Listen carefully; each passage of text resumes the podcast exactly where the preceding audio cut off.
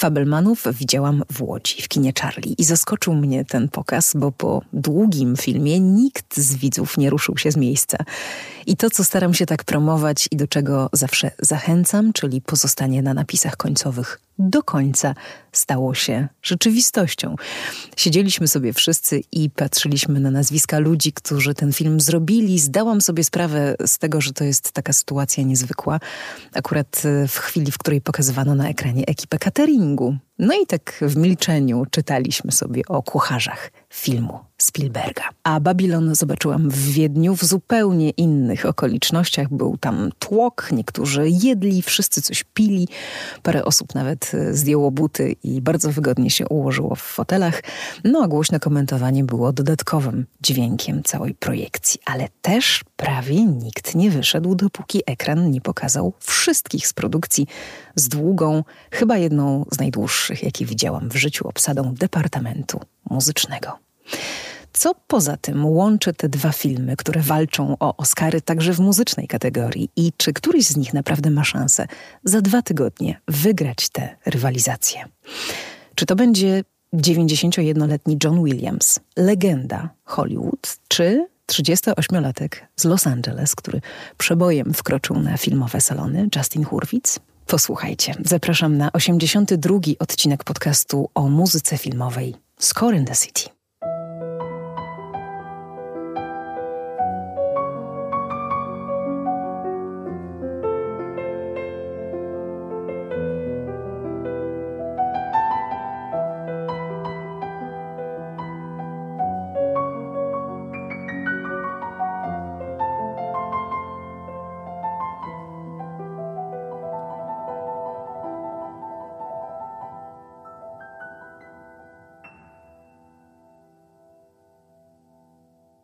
Te dwa filmy mają ze sobą zaskakująco dużo wspólnego, choć zupełnie się różnią. Na przykład łączy je główny bohater, czy też główni bohaterowie, którzy na kino, jako na rozrywkę, przemysł i zawód, patrzą z szeroko otwartymi oczami, chłoną je, marzą o nim i ono finalnie zmienia ich życie. W obu produkcjach mamy więc y, filmy w filmie, i w obu muzyka skacze sobie. Raz jest w kadrze, bo słuchają jej albo wykonują ją bohaterowie. Za chwilę jest muzyką ilustracyjną, taką klasyczną muzyką filmową, do jakiej jesteśmy przyzwyczajeni. I z powrotem. Czasem naprawdę trudno rozróżnić, w jakim momencie akurat e, jesteśmy. I oba te filmy zrobiły takie trwałe artystyczne duety reżysersko-kompozytorskie. Jeden z tych duetów, jak wiecie, pracuje ze sobą 50 lat, drugi od pięciu projektów. Ale zanim zacznę e, opowiadanie Wam o muzyce do filmów Babylon i Fabelmanowie, najpierw uśmiech tradycyjny w stronę tych, e, którzy zechcą wystawić podcastowi Score in the City gwiazdki na Spotify albo recenzje i gwiazdki w serwisie iTunes.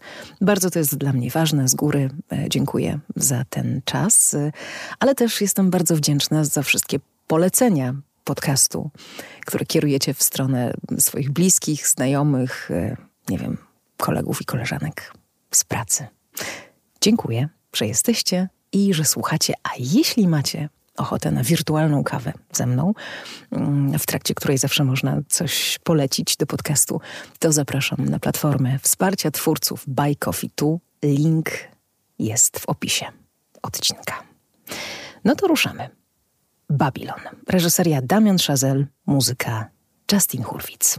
Och, no i od czego by tutaj zacząć? To jest ciężki orzech do zgryzienia. Nawet y, w swoim Instagramie mm, wrzuciłam taką ankietę z pytaniem, czy już widzieliście i co myślicie? Czy ten film to jest obłęd, czy jednak za dużo i za bardzo. Pamiętam, że głosy się wtedy rozłożyły mniej więcej równo i dla mnie też to była taka przygoda. Zaczęło się od e, jakiegoś uczucia, że to będzie obłędne kino, potem zmierzało w stronę za dużo, za bardzo, potem jeszcze chwilami, że obłęd i w końcu taka refleksja na koniec, z którą być może twórcy nie chcieliby się zgodzić, że właśnie jest w tym filmie taka przesada, której w kinie wolałabym unikać. I teraz, żeby nakreślić trochę takiego tła, ale też nie powiedzieć za dużo tym, którzy filmu jeszcze nie widzieli, mamy tutaj historię, która zaczyna się w latach dwudziestych w Los Angeles, w latach dwudziestych XX wieku. I jest to e, opowieść o tym, jak się robi kino oraz o tym, kto to kino robi, z jakimi ambicjami, z jakimi marzeniami, kim są ci ludzie, w jak dramatycznych okolicznościach czasem wykonują swoją pracę, a nawet krwawych. W rolach głównych Brad Pitt, Margot Robbie, Diego Calva. E, no, taka historia o chaosie dekadencji, o zmianach e, w, we wczesnym Hollywood i o tym, co te zmiany przynoszą. Wielowątkowy, głośny, mocny, długi film. Seans tego filmu traktuje raczej jako swojego rodzaju przeżycie, bardziej niż zwykłe e, oglądanie. I zauważam w tym filmie także historię, która jest gdzieś tam trochę z boku mm, i dla mnie jest najbardziej fascynująca, mianowicie narodziny kina dźwiękowego. To mi się najbardziej podobało. I już potem od pewnego momentu do końca mogłam się skupić tylko na wątkach muzycznych, a jest ich cała masa. Dlaczego tyle ich jest?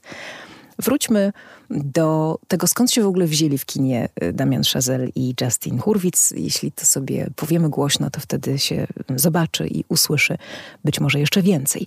No a wzięli się ze wspólnego pokoju w akademiku, y, z wielkiej miłości do filmów z Akademiego z muzyką Michela Legranda, y, do takich filmów jak Panienki z Rochefort czy Parasolki z Szerburga. Zresztą ich film La La Land z 2016 roku jest takim bezpośrednim komentarzem e, do, do panienek e, z 1967 filmu zaśpiewanego z Catherine Deneuve w jednej z głównych ról. No i muzyka w ich filmach, czy spojrzymy na Whiplash, czy na Pierwszego Człowieka, czy na La La Land właśnie, no i na Babylon, skończywszy, ma ważną rolę i ma bardzo dużo miejsca Najczęściej też powstaje na długo, zanim się zaczną zdjęcia, więc naturalnie jest też takim motorem napędowym i mm, nie wiem, dyktuje pewne rzeczy w filmie, sprawia, że widz w jakąś stronę patrzy, a w którąś nie. Krótko mówiąc, wskazuje nam pewne kierunki, w które mamy podążać. No i tak się dzieje też w filmie e, Babylon, z którego to muzyka jest dla mnie czymś więcej niż tylko ścieżką dźwiękową, ponieważ kryje w sobie taką historię muzyki filmowej w Hollywood e, jako takiej. Na drugim e, planie, i to jest właśnie ta perełka, którą tutaj e, wyhaczam i zaznaczam, na drugim planie jest wyraźnie zarysowana opowieść o muzyce i o muzykach, włącznie z tym, że Damian Chazelle bardzo często stawia muzyków w centrum kadru. Czy to jest jeden y, artysta grający na jakimś instrumencie, czy to jest y, mały band, czy to jest big band, czy to jest y, nawet duża symfoniczna orkiestra. I to wszystko się tak przenika. Bohaterowie wychodząc z jednego pomieszczenia, zostawiają ze sobą muzykę, która jest tam grana, ale jakby biorą ją ze sobą i my ją słyszymy potem jako muzykę ilustracyjną. Jednym z takich moich ulubionych, szalonych momentów w tym filmie jest e, taka scena, w której e, na środku pustyni, na wielkim planie filmowym kręcony jest film Niemy. I gra do tego filmu orkiestra na żywo, ale orkiestra symfoniczna, taka w prawdziwie romantycznym stylu. Do muzyki odnoszą się dialogi. Mm, bohaterowie mówią, wszystko jest inspirowane muzyką no, przecież to są ważne słowa. Gdzieś miga tytuł śpiewaka jazz bandu, który jest uznawany za pierwszy mm, dźwiękowy film w historii. Ktoś dodaje, za chwilę wszystko się zmieni. I faktycznie się zmienia. Nie tylko w historii, jako takiej historii kinematografii, ale także w filmie mm, Babylon. Jest tam też mała, ale urocza rola piosenki Singing in the Rain, piosenki z 1929 roku, która pochodzi z takiej rewi musicalowej i która ostatecznie, jak pamiętamy, znalazła się w kinie w deszczowej piosence dwie dekady z hakiem później, ale bohaterowie filmu Babylon próbują ją włożyć do filmu już znacznie wcześniej, do filmu, który kręcony jest w filmie. Wpływy Michela Legranda, inspiracje jego twórczością wciąż tutaj słychać. To jest y, podobna, jakby to powiedzieć, y, ściana dźwięku. Mój producent Michał Woźniak mówi na to radosna ściana dźwięku, co w La La Land. Y, kilka harmonicznych zabiegów łudząco też tamten film przypomina. Mamy rewiowy styl pełen zmian, zaskoczeń, barw, propozycji muzycznych, instrumentów, wszystkiego, wszystkiego. Jest tylko jedna różnica. O ile w filmie La La Land udało się Hurwicowi jeszcze zachować coś, co jest dla muzyki Legranda poza tym uroczym szaleństwem i ścianą dźwięku mm, charakterystyczne, czyli elegancję, tak w filmie Babylon tej elegancji muzycznej najbardziej mi brakuje. A to przecież było no, bardzo istotne w tych legrandowych inspiracjach.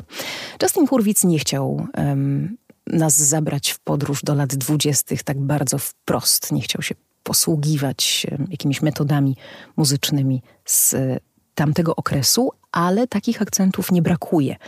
Mamy tango, mamy ragtime, znaki rozpoznawcze mm, epoki, mamy mm, muzykę graną na wszelkie możliwe sposoby, od instrumentów e, pojedynczych przez małe zespoły, aż po wielką orkiestrę, powiedzmy mm, klasyczną dla kina lat 30.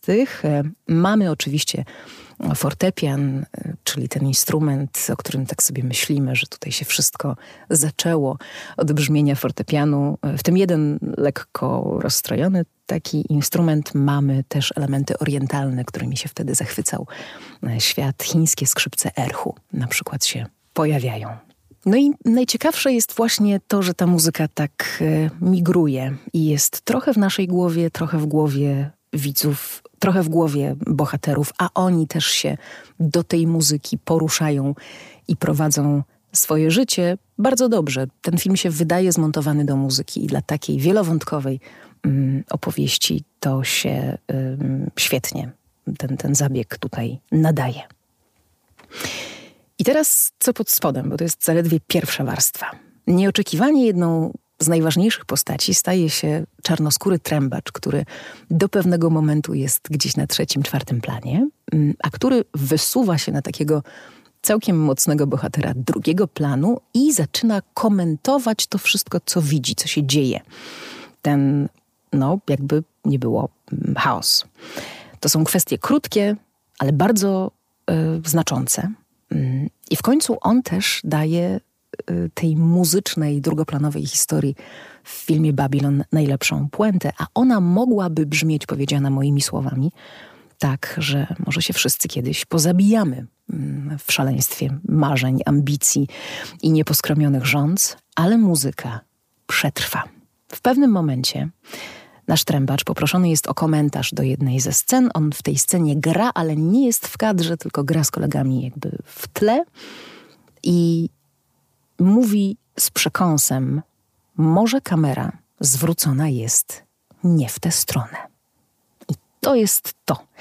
Ja odnosiłam takie wrażenie wiele razy w trakcie tego filmu, że gdyby ta kamera mm, była odwrócona w stronę muzyków od początku do końca, to byłby zupełnie inny, może dużo lepszy film.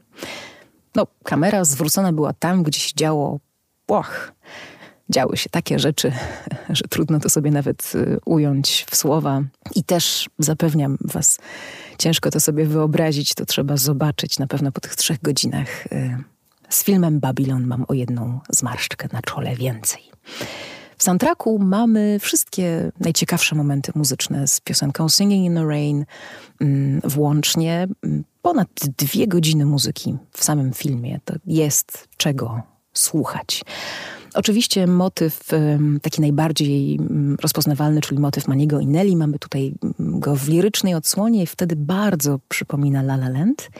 I mamy odsłonę drugą. I jeśli gdzieś właśnie tej elegancji brakuje, to to, to jest ten moment. To jest taki, taki dziki motyw, który pojawia się w kilku wersjach. Na saksofon barytonowy w roli głównej, trąbki gdzieś tam w tle i to jest muzyka, która nas drażni. Ale z drugiej strony ona też powoduje, że nóżka chodzi że mamy ochotę się poderwać do tańca, ale jest to zrobione takimi bardzo prostymi, żeby nie powiedzieć prymitywnymi muzycznymi metodami. Rozmawiałam y, o tej muzyce z moimi kolegami, wspaniałymi artystami, przede wszystkim saksofonistami, i oni zwracają uwagę na to, że artykulacja, że jakby sposób, y, struktura tego utworu to nie jest y, atrakcyjne. To jest takie pozornie porywające, ale nie ma tam nic szlachetnego. Żeby nie powiedzieć, że jest to po prostu brzydkie. I teraz pytanie, czy Justin Hurwitz robi to celowo, czy po prostu tak wyszło? Bo może być tak, że w tej pogoni za dzikim brzmieniem e, tak się wszyscy tam rozpędzili, że właśnie tej elegancji i szlachetności zabrakło, a zostało tylko takie muzyczne tło do jakiegoś szalonego tańca, który nie wiadomo w którą stronę zmierza. Ale może być też tak, że tak miało być po prostu. Mm, że te wszystkie skojarzenia z wieżą Babel, Babilonem, hebrajskim słowem balal, które oznacza dezorientację, mieszaninę, chaos właśnie, że myśmy się mieli jako odbiorcy poczuć mm, jak w samym środku tych wydarzeń. I tacy zdezorientowani, przytłoczeni może trochę. I nie najlepiej. No, może tak powiem najkrócej. Ciekawostka jest taka, że Babilon kończy się dokładnie tam, gdzie zaczynają się Fabelmanowie, czyli w 1952 roku. Można więc skończyć y, film Chazela i zacząć oglądać Spielberga, bo i tu, i tu mamy przecież bohatera, którego oczami patrzymy na świat, y, zachwyceni filmem i skłonni w tym filmie mieć swój czynny udział. To są ludzie, dla których kino jest czymś wyjątkowym, czymś, czemu można poświęcić życie, a może, jak mówi Manuel z Babilon, jest czymś, co jest ważniejsze niż życie. No dobrze, no i teraz Fabelmanowie. Reżyseria Steven Spielberg, muzyka John Williams. Jaka to jest przyjemność powiedzieć taką wizytówkę i wymienić nazwiska ich obu przy nowym filmie, który jest y, w kinach. Jedną z takich y, najczęstszych uwag i jednym z takich komentarzy, który słyszę bardzo często teraz przy okazji tego filmu, jest pytanie, dlaczego tak mało, dlaczego tak niezauważalnie, dlaczego, skoro my czekamy na filmy z muzyką um, Williamsa, na nowe filmy Spielberga, dlaczego zabrano nam tę frajdę cieszenia się y, ścieżką przez wielkie eś. Rzeczywiście jest tak, że oryginalna muzyka do Fabelmanów jest skromna. Ale w tej skromności przypomina mi coś, co John Williams y, robił już wcześniej. Bardzo wyraźnie to widać w mm, finałowych scenach filmu E.T., kiedy Williams przechodzi od muzyki szerokiej, dużej, epickiej do muzyki bardzo małej, bardzo cichej, wręcz intymnej. A robi to po to, żeby podkreślić, y, o czym opowiada, że opowiada o właśnie takim, jednym z najbardziej intymnych y, uczuć, jakie można mieć wobec siebie, czyli w tym wypadku o przyjaźni. No i o przyjaźni też y, opowiada Spielbergowi w filmie Fabelmanowie. I tutaj ta stosunkowo mała muzyka, z pewnością wielkiego Williamsa, ma podobną rolę. To w ogóle jest niesamowite, że oni pracują ze sobą już 50 lat, a my możemy na to wszystko patrzeć. Patrzyli na to nasi rodzice, patrzą na to dzisiaj y, nasze dzieci. Nie ma drugiego takiego duetu. Nawet jeśli teraz ciepło pomyślimy o, nie wiem, Hitchcocku i Hermanie, o Badalamenti i o Lynchu, o mm, Leone i Morricone, to takiego drugiego duetu jak Spielberg i Williams po prostu nie ma. Również przez to, że filmy, które robili, dotarły naprawdę do masowej widowni. Szczęki, bliskie spotkania trzeciego stopnia, poszukiwacze zaginionej arki, E.T., Park Jurajski, Lista Schindlera, później Świetne Monachium i teraz na końcu Fabelmanowie, a tych filmów pomiędzy jeszcze cała masa huk, to właściwie co chwilę się coś e, przypomina. Nawet nawet Gwiezdne Wojny są gdzieś tam efektem ich, y, ich współpracy, bo to przecież Spielberg podpowiedział Williamsa George'owi Lucasowi. Steven Spielberg y, nazywa Williamsa ostatnim, najważniejszym współtwórcą. Mówi, że on tę historię przepisuje raz jeszcze i że to jest kropka nad i i ten taki już finalny y, obraz. Myśmy się na tych filmach, tak jak mówiłam, wychowywali, mamy dzisiaj co wspominać. Oglądaliśmy te filmy jako dzieci. Te filmy nas poruszały, bo mówiły o sprawach y, dramatycznych, y, na przykład y, wyciągniętych z historii y, współczesnej. Te filmy nas y, uczyły, bawiły, czasem nas straszyły. Te filmy dzisiaj pokazujemy w domu y, kolejnemu pokoleniu.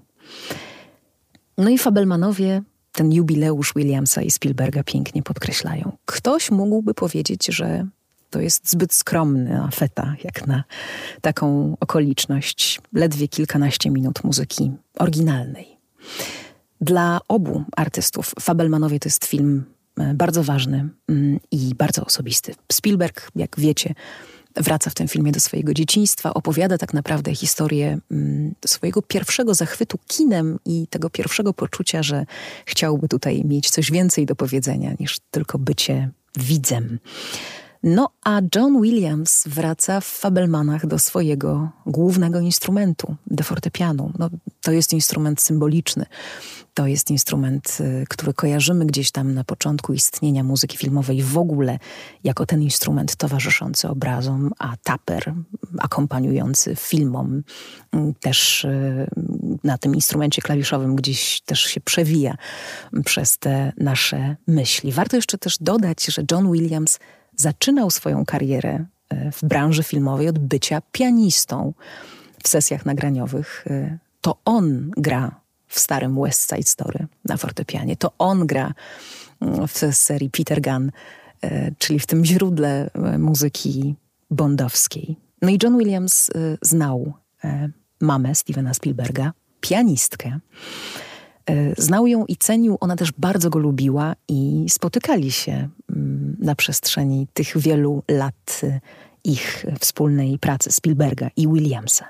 A w filmie e, mamy Spielberga w postaci mm, Mici, bohaterki, która też jest pianistką i która chce do grania wrócić. Dlatego John Williams daje jej to miejsce i ona próbuje, ćwiczy, przygotowuje się do występów z muzyką klasyczną. Mamy tutaj więc utwory z literatury fortepianowej Bacha, Haydna, Clementiego. Mm, to się łączy z muzyką Williamsa, ale bardzo mm, subtelnie.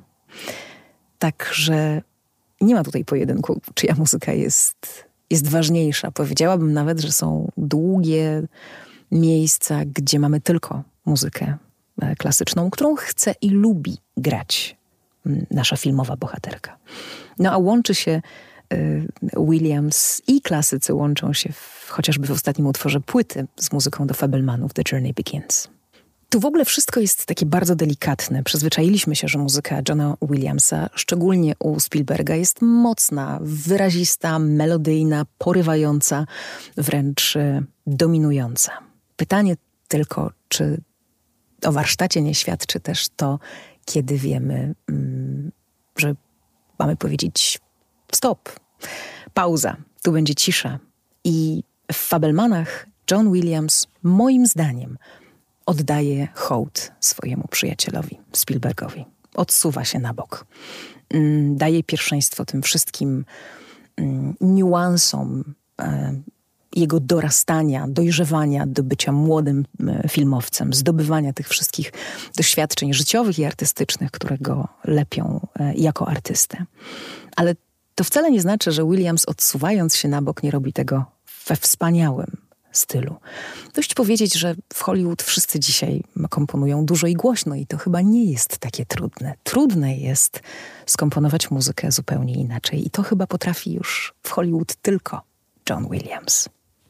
Spielberg mówi, że ta muzyka jest y, prezentem kompozytora dla jego rodziców. Prezentem, który jest y, zapakowany w fortepian, małą orkiestrę, harfę, czelestę i gitarę. Tylko tyle i aż tyle. Wsłuchując się w Fabelmanów, y, mamy oczywiście w wersji, która została wydana, y, miks ścieżki oryginalnej i tych utworów y, klasycznych. Natomiast wsłuchując się w ścieżkę w filmie, możemy usłyszeć jeszcze więcej i jeszcze parę takich uroczych cytatów. No, na przykład mignięcie muzyczne filmu Szczęki. Albo na przykład muzykę mającego polskie korzenie Wiktora Younga, bo to przecież on napisał muzykę do filmu Największe widowisko świata, czyli do tego pierwszego filmu, który zachwyca małego bohatera Fabelmanów, późniejszego, wielkiego Stevena Spielberga. Motyw e, tytułowy, bardzo sprytny, e, uroczy e, z Fabelmanów, to jest coś na kształt takiej kołysanki bardzo pogodnej albo pozytywki dziecięcej. Myślę sobie o tej muzyce, że to jest coś, czego słuchać może dorosły z myślą o dzieciństwie i o tym, czego wtedy pragnął, jak chciał żyć, jakie miał plany. I jeśli te plany się udało zrealizować w większości, to są to takie y, refleksje bardzo jasne. John Williams skomponował tę muzykę na fortepianie, na którym gra Spielbergowi od blisko pół wieku wszystko to, co proponuje do jego filmów przy tym fortepianie się spotykają, przy tym fortepianie rozmawiają. Są takie filmy w sieci, możecie znaleźć, kiedy oni właśnie się nad tym instrumentem e, pochylają i dyskutują albo się śmieją. Na John Williams e, przypomina mm, czy muzykę z filmu Szczęki, czy, czy E.T. i Fabelmanowie też mają takie, e, taki filmik krótki. To jest chyba najważniejszy instrument y, w Hollywood. Wcale nie najdroższy. Słyszałam, że to raczej jeden z tańszych instrumentów. Natomiast no, wypuścił kilka oscarowych melodii. A właściciel tego instrumentu jest wciąż najważniejszym kompozytorem Hollywood. Rekordzistą, to już możemy powiedzieć, że jest John Williams w tym momencie mm, najczęściej nominowanym do Oscara filmowcem, żyjącym filmowcem na świecie, w historii. Jest też najstarszym nominowanym w historii i jeśli dostanie Oscara za Fabelmanów, będzie też najstarszym mm, filmowcem nagrodzonym Oscarem w historii. Zapowiedział mm, emeryturę, słyszałam wyraźnie, potem się z tego wycofał. Kalendarz ma wypełniony po brzegi. Co chwilę mi tutaj się wyświetlają powiadomienia, że John Williams tu, John Williams tam, i koncerty, i spotkania, i, i wywiady. Tak sobie myślę, że chciałabym mieć chociaż część jego energii. Kino to jest wielka siła. Dobry twórca potrafi rządzić emocjami swoich widzów, a czasem także zmieniać ich życie jak bohaterom filmów Babylon i Fabelmanowie. I jeśli miałabym wydać tutaj jakiś werdykt, jakoś to wszystko ocenić, chociaż nie lubię oceniać, to powiedziałabym tak. Chazelle i Hurwitz dopiero uczą się opowiadać w kinie historię obrazem i muzyką. Spielberg i Williams już doskonale wiedzą, jak to robić. Z ich wieloletniego doświadczenia płynie taka zasada, taka myśl, złota myśl Hollywood, że mniej znaczy lepiej. I to dlatego to mniej Johna Williamsa, lat 91, jest w tym pojedynku dla mnie dużo bardziej fascynujące, piękniejsze i ważniejsze. Jest po prostu lepsze. Ten odcinek ma specjalną dedykację i zostawiłam ją na koniec, bo chciałam najpierw Wam opowiedzieć o tych wszystkich y, rzeczach, bo dedykacja zupełnie zaskakująco również dla mnie, co mnie bardzo wzrusza, mocno się z tym łączy. Możliwość y, zrobienia takiej dedykacji w podcaście Score in the City wygrał w konkursie na moim Instagramie Oscar. Wspaniały zbieg okoliczności, prawda? Czekamy na Oscary, obstawiamy Babylon, Fabelmanowie, a może jeszcze zupełnie inny film dostanie w tym roku nagrodę za e, najlepszą muzykę. Ile wygra Spielberg, który właśnie zrobił swój najbardziej osobisty film, poświęcił go mamie i tacie i wyznaczył ich jako taki start swojej niezwykłej filmowej podróży, w której granicą jest tylko wyobraźnia. A tymczasem mój słuchacz Oskar poprosił mnie o przekazanie takiej oto dedykacji. kochanym rodzicom Mirce i Pawłowi z podziękowaniem za pomoc w rozwoju pasji i zainteresowań. No cóż, ja też dziękuję, bo zdaje się, że Państwo zrobili świetną robotę i najserdeczniej pozdrawiam.